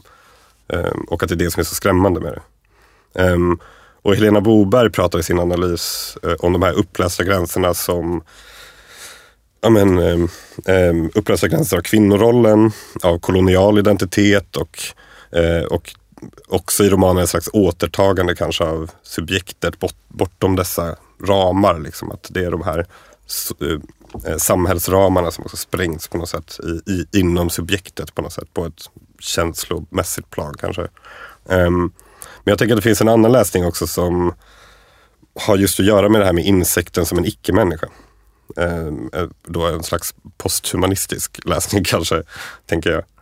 Och posthumanism är då en teoretisk strömning eh, som kan beskrivas som att om humanismens projekt var att ta ner makten från Gud eh, till människan. Att människan står i centrum och inte Gud. Det är människan som bestämmer. Så är posthumanismens projekt kanske att ta bort makten från människan och säga att det är godtyckligt att det är människan som står i centrum eller det mänskliga subjektet. Ehm, och jag bläddrade lite i då en bok av Donna Haraway som är en av de stora posthumanistiska teoretikerna tänker jag. Um, som kanske mest är känd för sin bok, eller sin text A Manifesto for Cyborgs. Uh, där hon skapade en, typ någon slags cyborgfeminism. Um, där cyborgen är någon slags symbol för um, mell, en, nästan en så här utopisk eh, mellanting mellan maskin och människa. Eh, jag tror den skrevs på typ 80-talet eller någonting. Eh, men hennes senaste bok då heter Staying with the Trouble från 2016. Och där försöker hon måla upp en slags alternativ bild av världen och människans roll i den för att hantera typ ja, men, klimatkris och liksom, eh, massutdöd av olika raser eller arter. Liksom. Um, och vill hitta liksom ett annat sätt att berätta eh, världen. Um, som parallellt till uh, människans berättelse kan man säga. Uh, och där använder hon sig just då, mycket av insekter och spindlar och maskar uh, som bild då. och i, i det här. Um, och hon använder sig väldigt mycket av att byta ut begrepp som vi använder för att beskriva människan. Eller vår roll. Typ så pratar hon, hon om det sociologiska begreppet autopoiesis. Eh, som alltså innebär en form av självreproducerande system. Eh, som man kan se människan som. Och där, i, inom sociologin används det för att liksom beskriva vad som är vid liv och vad som inte är vid liv. Och att människan då är självförsörjande, vi klarar oss själva på något sätt. Eh, och hon menar att vi inte alls klarar oss själva, utan att vi lever hela tiden i symbios. Och pratar om begreppet sympoesis, som hon beskriver som making with.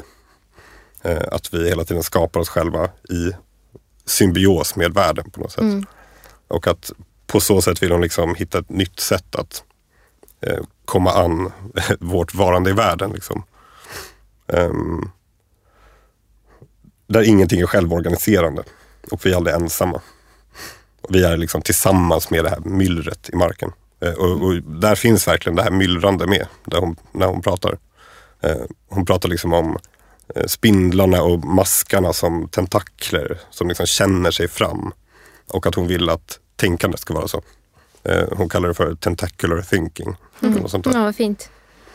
Um, och det här är så här, ja, men, teoretiskt och så.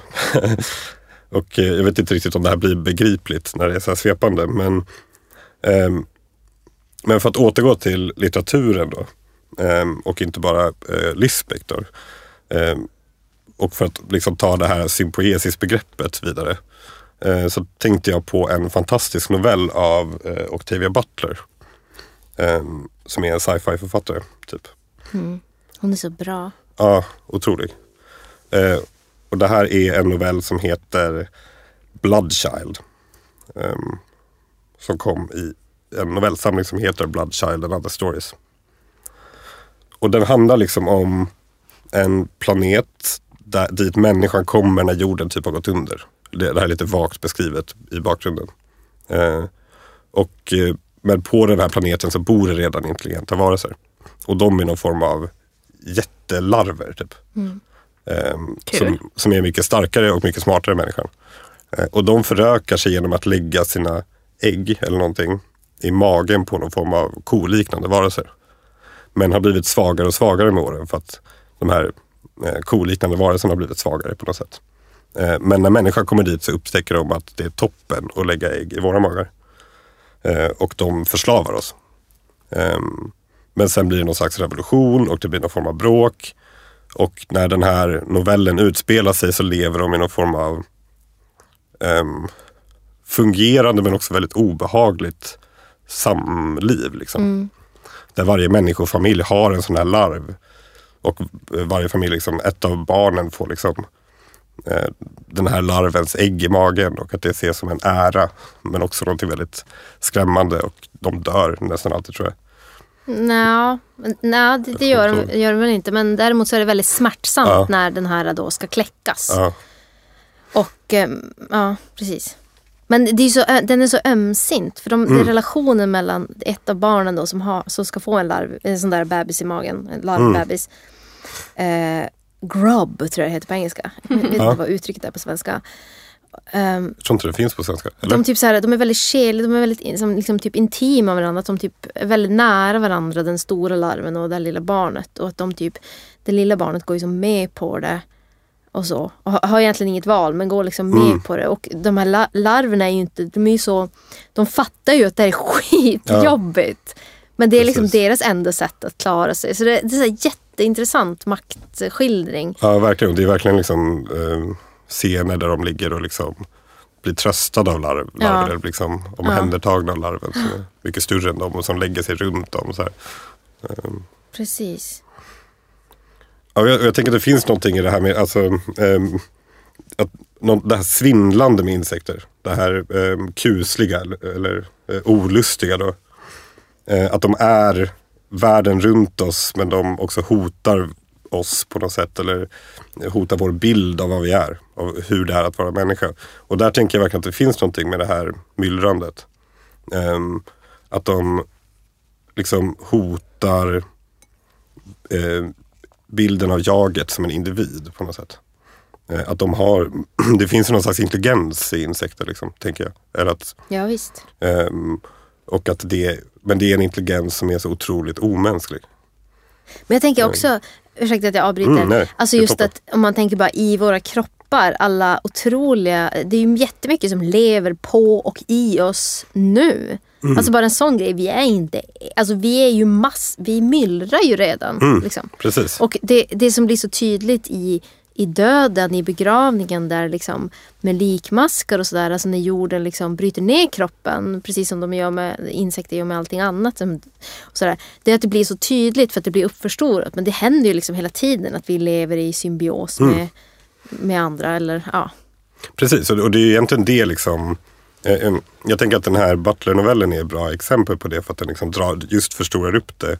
Eh, Och att där, där det beskrivs då en form av nödvändigt men också ganska kusligt s- samlevnad i, i det här världen. Liksom. Eh, Men det är också precis där Haraway vill åt tror jag med sin alternativa sätt att berätta världen på något sätt. Att det, här, det här är inte en eh, ut, här, utopisk framtid hon pratar om. Hon pratar ju om världen som den är. Att det här samlevandet finns. Eh, och om man, berättar det, här, om man berättar världen tillsammans med det här samlevandet som redan finns. Att det finns en politisk kraft i det. Liksom. Eh, istället för att prata om människan som ensam som blir invaderad så pratar man om making with. Liksom. Och eh, i den här boken, Staying with the trouble, den avslutas liksom med ehm, någon slags, vad hon kallar för spekulativ fiktion, eh, någon slags novell typ. ehm, som handlar om någon form av utopisk community som heter Children of the Compost. där de liksom på något sätt slutar föda barn medvetet. För att världen håller på att gå under. Liksom. Och börjar skapa, det beskrivs inte hur med, forskning antar jag, eh, någon form av hybridmänniskor. Eh, och de människorna som det beskrivs i den här är liksom fjärilsmänniskor. Som då är till för att, alltså anledningen till att de gör det är för att brygga gapet mellan liksom eh, omvärlden och människan på något sätt. Eh, och hjälpa människan att leva making with på något sätt. Eh, ja, det var spekulativt. verkligen. Ehm, Men det är väl också för att mildra typ, the impact av den där uh, teorin, tänker jag. Alltså jag menar fjärilar är ändå typ det mest så här, omtyckta insekten. De är så tjusiga och sådär. ja, De påminner om älvor och så. så att, eh, om det skulle bli en hybrid då vill vi inte ha så här en bönsyrsa-människa utan vi vill ha en fjärilsmänniska. Tack, ingen dagmaskmänniska. Som Heidi Klum, kommer ni ihåg det? Såg ni den där? Det var någon sån stor någon stor så här dräkten. maskeradfest i Hollywood och så hade hon klätt ut sig till, alltså supermodellen Heidi Klum- hade klätt ut sig till en dagmask. det har jag inte sett. Alltså himla kul och himla oväntat. Ah, alltså jag skulle dö för den dräkten. Precis, och jag tänker att det finns, ehm, för att ta det vidare från Heidi Klum. Eh, Mm, förlåt. jag, jag har inte, har inte sett Heidi Klum som dagmask. Eh, Du kommer göra det efter det här samtalet. Ja, vi lägger ut den på Instagram sen kanske. Ja. Eh, Men en läsning av Lispector här tänker jag kan vara just att hon utsätts för den här svindlande annorlunda intelligensen, eller svindlande annorlundaheten. Eh, och att den försätter henne i någon form av ja, men då, sympoetisk sinnesstämning. Liksom. Eller så här, det här making, alltså att det är en sinnesstämning bortom, eh, bortom eh, jag-upplevelsen på något sätt. Um, för att det är som att hennes gränser flyter ut i boken. Liksom. Um, Fast det avbryts sen. Eftersom hon, alltså hon stöter bort det då. Eftersom hon typ krossar den och typ Fast Ja, sen precis, försöker hon ju precis, äta men- upp nej, den. nej, men det är som att hon vill bli nej, precis, med men- den. Men, men den här alltså, boken utspelar sig liksom, hon berättar om gårdagen. Mhm. Eh, och, eh, och hon berättar om det på ett sätt som är så här, ehm, man kan se om jag hittar någonting typ i början av boken spontant. Hon är fortfarande inne i det liksom. Ja, det är snarare så här, det här har hänt och det här, går inte att ta tillbaks. Eh, så här, världen är nu annorlunda liksom. Ehm, ja, men den börjar liksom så här. Jag söker, jag söker. Jag försöker förstå. Försöker ge någon vad jag har upplevt, men jag vet inte vem. Och jag vill inte ha kvar det jag har upplevt. Um, alltså det finns liksom, det, det här är liksom någonting som har hänt som, som har förändrat henne. Ehm, Um, och det kommer ett citat här lite senare som går så här. Världen spretande av antenner och jag som försöker fånga upp signalen. Allt jag kommer att kunna göra är en fonetisk transkription. För 3000 år sedan förvillade jag mig och kvar av mig blev några fonetiska fragment. Jag är blindare än förr. Jo, jag såg. Jag såg och jag blev rädd för världens råa sanning.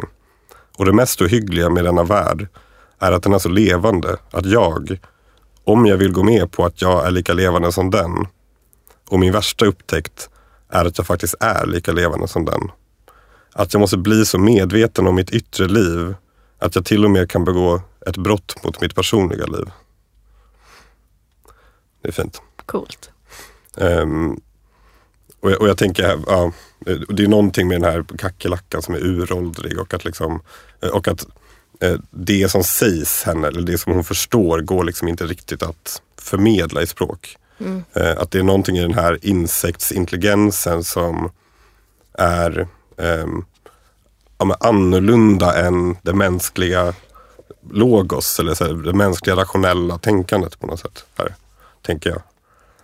Ehm, och att det liksom får henne att helt flyta ut i någon form av... ehm, och jag tänker också att det finns någonting eh, av... ehm, ja, men det här, du pratade lite om det Andrea, men så här, att skriva det här myllret på något sätt. Ehm, för jag tänker också att det finns någonting i hur den här boken är skriven. Att den liksom är eh, utflytande hela tiden. eh, Precis, I det är så- mellanrummet. Det är så svårt att prata om Lis Spector utan Mm. att, alltså eftersom det är så himla mycket i språket. Hur hon hela Verkligen. tiden skriver. Som är, hon skriver ju så otroligt speciellt. Ja, Så att egentligen, alltså, alla borde, alla borde, jag brukar inte säga så, men läsa henne just för att förstå vad vi menar med det i alla fall. Det är svårt att exemplifiera. Det är liksom mängden och myllret. verkligen. Det finns en myllrande och ett så här, eh, Hon är som en vatten på öppenhet. något sätt. Ja, hon har ju till och med en bok som heter Levande vatten. Det är så hon den skriver. är en på otrolig bok. Ja. Ja, precis. Ha. Förstår. Gud vilken intressant take. Mm. Funkar den tycker ni? Ja, det jag tycker tyckte jag det var väldigt meditativt. Men eh, det är också roligt så här, typ, apropå författare och vara drama queens. Typ. Alltså så här, en författare såg en insekt. Så här, istället för att bara du vet, typ, släppa ut insekter. så skriver hon en så enorm bok och det är hon typ så här, hon blir så här jag-upplöst och så här kris. Ja, och hon måste äta den. Alltså det, är verkligen, det skulle så lätt gå att göra liksom en komedi om det också. men Eh, exakt, men jag- det är det som är ja. roligt med litteraturen. Att man kan ta så här små saker och göra dem till existentiella stora grejer. Liksom. Precis, Eller så här, okej. Jag älskar att städa men jag har aldrig gjort det förut. Nu ska jag göra det. Åh nej! Först jag möter en kackerlacka och sen så blir det så här typ. det är rolig liksom, take på en bok. Ja, verkligen. Och och i boken så är verkligen kackerlackan tänker jag, en bild som du pratade om förut. Eh, Men, Ja. hos, men hos Haraway så är det på något sätt ett mellanting. Tror jag. Mm. Eh, Både liksom, eh, men insekter för insekterna men också som liksom, em, en, en form av potential. Liksom en eh, utopisk bild nästan. Vet du om Haraway har skrivit om Octavia Butler en gång? Det känns som att de skulle kunna göra mycket kul ihop. Jag tror det. Alltså, Octavia Butler tar sig ofta upp i alla fall i eh, den här typen av teorier liksom, kring posthumanism Mm. och eh, eh, spekulativ eh, teori och fiktion. Typ. Hon är verkligen bra. Det är så, alltid svårt att så här berätta om typ handlingen i en sci-fi novell. För det låter alltid så himla så här Mm. utflippat. Men det är inte det som gör att den är bra. Det som gör att den är bra är ju hur hon, alltså hennes språk och typ hur hon, alltså hon tar faktiskt på den här maktgrejen. Eh, ja men tack så mycket Filip. Mm. Intressant.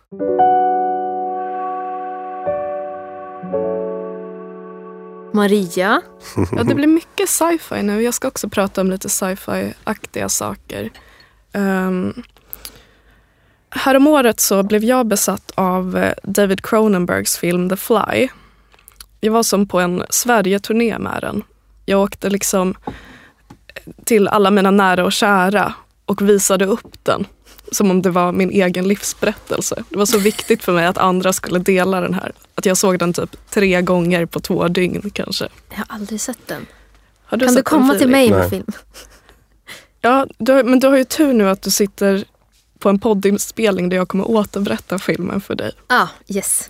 Eh, för så här går den då i korta drag. Ehm, Jeff Goldblum. Älskar honom. Har ni, samma följer ni honom på Instagram? Nej, jag är säker på att han är jättesexig och charmig där. Han har alltid nya kostymer, det är jätteroligt. Ja. Ja, det är nice. Okej, så ja, men då är du redan såld här. Eh, Jeff Goldblum spelar en enstöring till vetenskapsman Eh, som har som eh, största mål att han vill uppfinna en teleportör. Och han har kommit så långt i det här uppfinnandet att han kan teleportera döda ting, typ strumpbyxor, eh, med teleportören. Men allt levande han skickar igenom, typ apor till exempel, blir bara ett helt köttmos. Men det kommer in en journalist i hans liv. Eh, De träffas på en konferens eller någonting och de blir kära i varandra. Och genom att älska den här nya flickvännen så lär Jeff Goldblums karaktär sig förstå och älska köttet. Vilket gör att han kan förmedla kunskapen om levande kött till teleportören. Hur då? Du får se Jag, filmen. jag tycker Ja. det låter overkligt. Ja, det låter så fucking Cronenbergs. Long live the new flesh säger jag bara. Ehm, det är från Videodrome då. Ja, men eh, så efter att han lärt maskinen älska köttet eh, så verkar allting med teleportören funka. Eh, och han testar då själv att låta sig teleporteras med sin kropp. Även om det fortfarande är ett prototypstadium. Huv. Läskigt va? Ja. Men det verkar gå helt över förväntan. Han kommer ut intakt i tele ur teleportören och han är dessutom både starkare och piggare än vanligt. Men den enda nackdelen är att han verkar bli sockerberoende och det växer ut nytt grovt rygghår på honom. Och så småningom uppenbaras det att han har teleporterats tillsammans med en fluga. Och deras DNA blev då sammanblandat. Flugdelen tar över hans kropp allt mer. Han, eh, han tappar så småningom sina naglar, sina tänder, sin näsa och sparar de här tappade kroppsdelarna i ett dystert museum i sitt badrumsskåp. eh, och flugan tar också över hans sinne.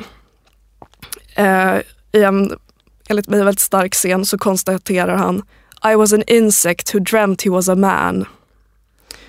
Eh, och när den här flugdelen mer och mer tar över också hans medvetande så blir han eh, omänsklig och aggressiv mot sin journalisttjej. Samtidigt som hon med fasa upptäcker att hon är gravid. Och i en mardrömsscen drömmer hon att hon föder en bebis stor fluglarv. Angående Octavia Butler också.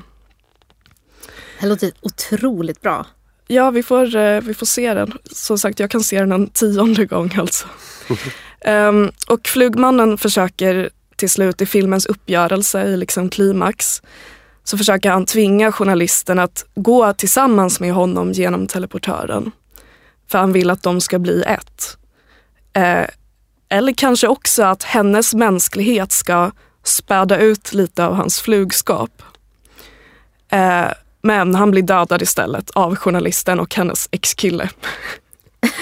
um, Och babyn. eh, jag tror att, eh, att hon aborterar den. Jag minns inte riktigt. Aha. Jo, hon gör typ en nattabort eh, tillsammans med ex-killen som känner en läkare. Ehm, Lite så här Deus ex machina med ex-killen tycker jag. Ja, precis. Men, men hon blir eh, kidnappad av flugan från läkarkontoret så det är inte en helt... Alltså, jag vill så, alltså det finns inget som jag vill hellre just nu än att se alltså, hur han ser ut när han är som en fluga. Precis, alltså, ja. Han måste Vi lägger upp bilder på Instagram. perfekt castad för rollen. Eh, för det som, ja, men det som binder mig så starkt till den här filmen, eh, eh, filmen The Fly, är utöver att ja, jag älskar Jeff Goldblum i 10 kilo latexflugproteser. Ja. eh, är att den här filmen för mig handlar mycket om, ja, men om queer upplevelse och queert begär. Som vi varit inne på mycket nu när vi pratat om insekter så är flugmannen här en, en gränsgestalt. Han är ett monster.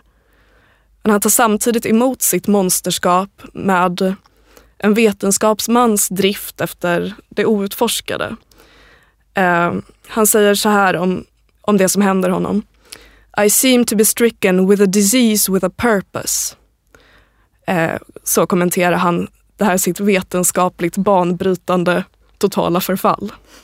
Och jag tycker det är en så alltså inspirerande liksom, ehm, motto på något sätt. Andra sätt som jag tycker det här är liksom en queer-gestaltning. Det här eh, badrumsskåpet eh, med eh, sina avfallna kroppsdelar. Han öppnar det liksom till hälften fluga. Öppnar spegeldörren till badrumsskåpet och där bakom liksom hans egen spegelbild finns de här resterna av sitt människoliv. Mm. Och det blir också för mig en bild av det här gränsöverskridande, hur han befinner sig i ett, i ett gap mellan två sorters kroppar. Mm. Eh, och det som vi pratade om också lite om Fjärilsnovellen av Trotsig, att han, eh, flugmannen, är själv reproduktivt och sexuellt en total liksom clusterfuck. Eh, flickvännens graviditet är för henne en oönskad katastrof. Och egentligen kan man säga är flugmannens sätt att reproducera sig att gå genom teleportören. Det är liksom så Mm. konstgjort eh, och onaturligt. Ehm, och i den här scenen när han vill tvinga med sin flickvän genom teleportören får jag liksom intrycket av att hans begär till henne i den stunden snarast består i att, att bli henne. Att upptas i henne. ehm, än att ha henne. Eh, och det tycker jag också är, har klang av en queer upplevelse. Mm. Och nu ska jag prata om ett verk som jag tycker mycket sämre om tyvärr. Mm. Ehm, för jag ville egentligen prata om en bok, inte om en film eftersom det här är en litteraturpodd. Eh, så jag, Ja, du brukar smita iväg. Jag vet. Opera, film. tidskrifter, gränsfall, Ja, precis. Facebookinlägg var det ju Så jag egentligen. uppskattar den här ansträngningen varje... Folk, Folkets hus. Ja, exakt. Ja, men så för att blidka er, eftersom jag fortfarande är ny på jobbet trots allt, eh, så fick jag ett tips om att läsa ehm, författaren Ian Banks Getingfabriken, eller Wasp Factory som den heter i original. Men jag läste den på svenska i översättning av Roland Adlerbirth, eller Adlerbert. Eh, jag är Hoppas på osäker. det senare. Men, men kanske var det att jag läste den i översättning, en ganska gammal översättning från 1985. Eh, alltså Det var då den kom ut, va? 84? 85. den kom ut 84, Mm. precis. Och det här är en sån alltså, typisk grej att modernister har köpt gamla rättigheter och gett ut utan, Just det. Eh, utan större redigering, i min känsla. Mm. Eh, ja, men kanske var i alla fall översättningen ett av skälen till att jag tyckte att den här boken var ganska träig. Ehm, har du läst den? Jag läste den inför idag.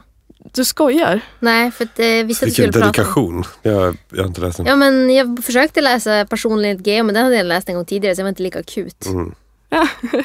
Vad, vad fint, vad roligt.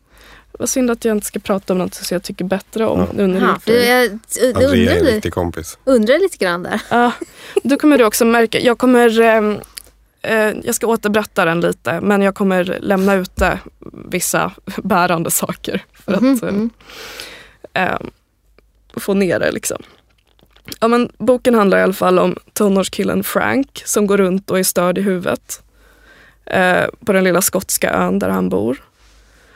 Och boktiteln Getingfabriken eh, kommer från en spådomsanordning som Frank byggt som han kallar Getingfabriken. Eh, den ser ut så här. På en enorm gammal urtavla har, han, har Frank inrättat korridorer för varje klockslag. Och varje korridor leder till en särskild mordmetod. Och på den här urtavlan släpper han ner en geting som får välja korridor. Eller liksom råkar gå in i en korridor. Där den leds till sin död. Det kan vara ner i en gevärspipa eller i en eld eller ett spindelnät, en Venus flugfälla eller en hord av hungriga mördarmyror. Och utifrån det här resultatet tolkar eh, Frank sen framtiden. Eh, Frank är genomvåldsam. Utöver att ha ihjäl getingar har han mördat tre barn. Alla släktingar till honom. Och jag tycker egentligen att hans återberättelser av morden är bokens enda behållning. Frank är ju berättare eh, och jag tycker att hans röst är liksom ganska entonig och irriterande. Men hans mord är absurda och roliga. Det är liksom buskisvåld som i Happy Tree Friends. Om ni såg Ja, det. någon gång. Det var länge sedan någon nämnde det. Ja. Precis, det känns utdaterat. Eh, Så en kille dödar Frank genom att han gömmer en huggorm i den här killens protes. Så att, han, så att killen blir biten och förgiftad utan att fatta någonting. Det är så sjukt. Hur kan, man, hur kan man benet. dö av en huggorm? Jag fattar inte det. Alltså de är ju inte så farliga, huggormar. Nej, men det var, ett, det var ett ganska litet barn. Ja, de kan ju vara farliga för små barn, men ändå. Ja, det är mycket som... Jag googlade till och med vad det fanns för ormar i Skottland för att kolla om det kunde vara någon an, något annat än Ja. översättningsfel. Men ja, ja, skitsamma. Vi släpper det. Ja, men vad roligt att du faktagranskar den här Ja. just av de här morden vi kommer säga nu. Eh, för sen är det ett mord som är att han fäster en liten tjej i en enorm drake. Alltså en Som drake han har som byggt han när han är nio år gammal också. Värsta ingenjörsgeniet. Ja. Och, eh, och så får draken bära bort den här tjejen med vinden till Ut hennes havet. död. Ja. Och eh, eh, så är det då eh, Franks egen lillebror som han lurar han lurar till att banka på en odetonerad flygvapensbomb som ett flygplan släppt på stranden till ön. Mm. Eh, Frank lurar lillebrorsan att det är en kyrkklocka. Ehm, Och så exploderar den. och så dör han. exploderar den och han Mm. blir bara köttslamsor. Um, det var bra att du, att du läst boken. Eh, ja men att, att vi läsare är liksom överlämnade åt en så här extrem berättares värld Mm. har jag sett förklaras av eh, författaren Ian Banks historia. Eh, han var då när den här boken skrevs, då på 80-talet, en mångfaldigt refuserad science fiction-författare som tänkte pröva lyckan med att skriva något icke-fantastiskt, något inom citat litterärt istället. Och det blev Wasp Factory, Getingfabriken. Eh, men ändå bygger han boken som en sci-fi-roman på sätt och vis. Eh, eftersom vi läsare får komma in i Franks främmande system av ritualer och våld. Och ön där Frank härjar är hans egen domän, hans eget samhälle, hans egen planet. En annan värld än vår. Det finns annars en eh, diegetisk, alltså en eh, inom berättelsen bakgrund till att Frank är så sjuk i huvudet. Mm. Ehm, när han var litet barn slet familjens hund av honom kuken och ballarna. Och kastrationen ledde honom till att ta ut sin hämnd på andra barn, resonerar han. Eftersom de barnen blev symboler för just reproduktion som han inte kunde utföra. Kul tänkte jag när jag läste om att han var, eh, fått könet avslitet. Jag kanske kan uttolka ett queert spår här också i den här eh, romanen som jag läste. Varför blir du alltid så glad när någon får könet avslitet? Jag kommer ihåg att när du läste dikt, det var Martin Lok förra avsnittet, då var det att han kastade ut Sin typ, kuk som konfetti. Ja, jag och du blev genast så jätteglad då. Jag är bara så yes serve. Då. Det, där, det där var snyggt, vackert. Det är verkligen så. Eh, men ja, så jag var så, okej, men det är som, då kan jag kanske väva ihop det här med The Fly och så vidare. Jaha. Eh, här finns det något queert jag kan lyfta fram. Men inte visste jag då vad som väntade i Nej. romanen. Precis. För efter det här så kommer den stora twisten. Spoiler alert. Precis. Filip, du måste lyssna däremot. Ja, jag, jag, hittills känner jag mig ganska ointresserad av att läsa det här. det låter otroligt snubbigt. Så, så häng med nu. Du kanske kommer bli överraskad. Det kanske kommer en queer twist. Så i slutet av boken lyckas Frank ta sig in i sin pappas alltid låsta arbetsrum. Och där hittar han bland annat testosteron. Så Frank konfronterar sin pappa som berättar att den här hundhistorien om kastrationen är en lögn. Frank blev aldrig hundkastrerad. Frank föddes som flicka med namnet Francis, men för att Franks bror skulle få manligt inflytande omkring sig såg pappan till att tvångstransitiona Frank och smög ner hormoner i hans mat. Eh, och den här livslögnen då har eh, på grund av eh, Franks hämndbegär efter det här som han trott hänt honom skördat tre människoliv, de här barnen, och dessutom tagit död på massvis av små djur och kryp som kommit i Franks väg. Ja, de, både han och hans bror en förkärlek för att tända eld på djur. Precis, det, det var det som jag inte tagit med i den här parafrasen. Att han har en sinnessjuk bror som, som tänder eld på hundar och eh, tvingar Ja. barn att äta mask. Ehm, ja, Det, det, det är inte en ekokritisk bok det här. eh, författaren säger att den har massa saker att säga om samhället. Men, ja, Hur är relationen mellan dig och den som tipsade om boken? eh, det är ju min sambo. Jaha. Men eh, han har inte läst den själv. Typiskt. Man ska alltid tipsa om böcker man inte läst själv. Va, va, vad tyckte du Annie, om boken? Alltså jag väntade liksom på det. Eller väntade på att liksom. Men nej, jag, den kändes väldigt snubbig sådär. Plus att när det är sånt där utspekulerat eller liksom våld som bara är. Alltså jag blir såhär, det, det, måste, det måste finnas någonting. Annars blir jag bara less. Liksom. När jag läste på eh, om Ian Banks så lärde jag mig att det var först sent i hans författarkarriär som han började redigera sina egna böcker Ah, ja. innan han skickade dem. Jag förstår. Men den här boken blev ju en sån superhit. Den var ju utsedd till så här, bästa boken på typ eh, engelska språket. 25 plats eller så här, inom världshistorien. Alltså, den fick så här enorma hyllningar när den kom. Har jag läst. Ja, ja, Trots att han skriver att man dör av en huggorm. Men det kanske man kan. och det är speciellt. Ja, så här, vi, vi tar det vidare till slutet här. Eh, för Frank kopplar tillbaka då till getingfabriken. Eh, konstruktionen som han byggt. När han Vad, vad är det för spådomar han får den här? Eh, Det är till exempel att eh, han får bud om att den här eh, pyromanbrodern är på väg eh, tillbaks till eh, har, har rymt från sinnessjukhuset för att komma tillbaks till honom. För att tända eld på dem typ. Precis. Ja. Och det får, han får reda på den avsikten genom att eh, en, insekt, en geting eh, kilar ner i elddöden. Ja, det är så enkelt. Mm. Ja, alltså. Ja, ungefär. Det finns lite mer mys- mysterier kring det men ja, du kan gärna läsa boken i så fall. Det är liksom, det är för tjötigt verkligen. Jag tror, nej, jag tror inte jag kommer... Jag, jag har inte tid just nu. Ja, hur som helst, Frank återvänder till getingfabriken efter att han, alltså han återvänder i sin tanke till getingfabriken när han fått veta att han egentligen är flicka. Eh, och säger så här i då Roland Adlerberts översättning, lite nedkortad av mig.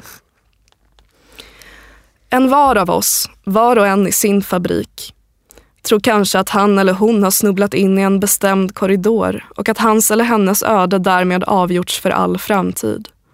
Men i själva verket räcker det med ett ord, en blick, ett litet misstag. Vad som helst kan förändra allt sammans. Jag för min del trodde att en viss dörr hade slagit igen bakom mig redan för flera år sedan. Alltså kastrationshändelsen. Åter till citat. Medan jag i själva verket fortfarande kröp omkring på urtavlan. Nu stängs den dörren och jag börjar min färd genom livet. Uh. Att boken slutar här, det är så jävla B. Det är så upprörande. Att här, där glappet börjar glappa, här där gränsen brister, Ja. tar det slut. Det är som att The Fly skulle rulla eftertexterna när Jeff Goldblums första nagel trillar av. Eller att förvandlingen var en berättelse om en tjänstemans strävsamma liv som vaknar som skalbagge först på sista sidan. Ja, ja. Ja, varsågod för en sågning av en 40 år gammal bok. Jag fortsätter att ko- Eller- attack mot de riktigt mäktiga storheterna som Eller personen enligt GH med att eh, hembiträdet eh, flyttar. flyttar. Exakt. Ja, precis. Ja, men, ja, det Fast å andra sidan, till eh, Banks försvar så är det ganska svårt att liksom, typ, på ett snyggt sätt återberätta den här historien. Om den skulle börja där istället. Att få in alla de här extremt skeva, detaljerade, spektakulära detaljerna. Exakt. Det skulle ja. också vara svårt. Det får man ge honom. ja, men, ja, det är någonting intressant med det här fascinationen som ofta blir dålig. Liksom, av så här, så här, ja, men, absurt våld på något sätt. Ja.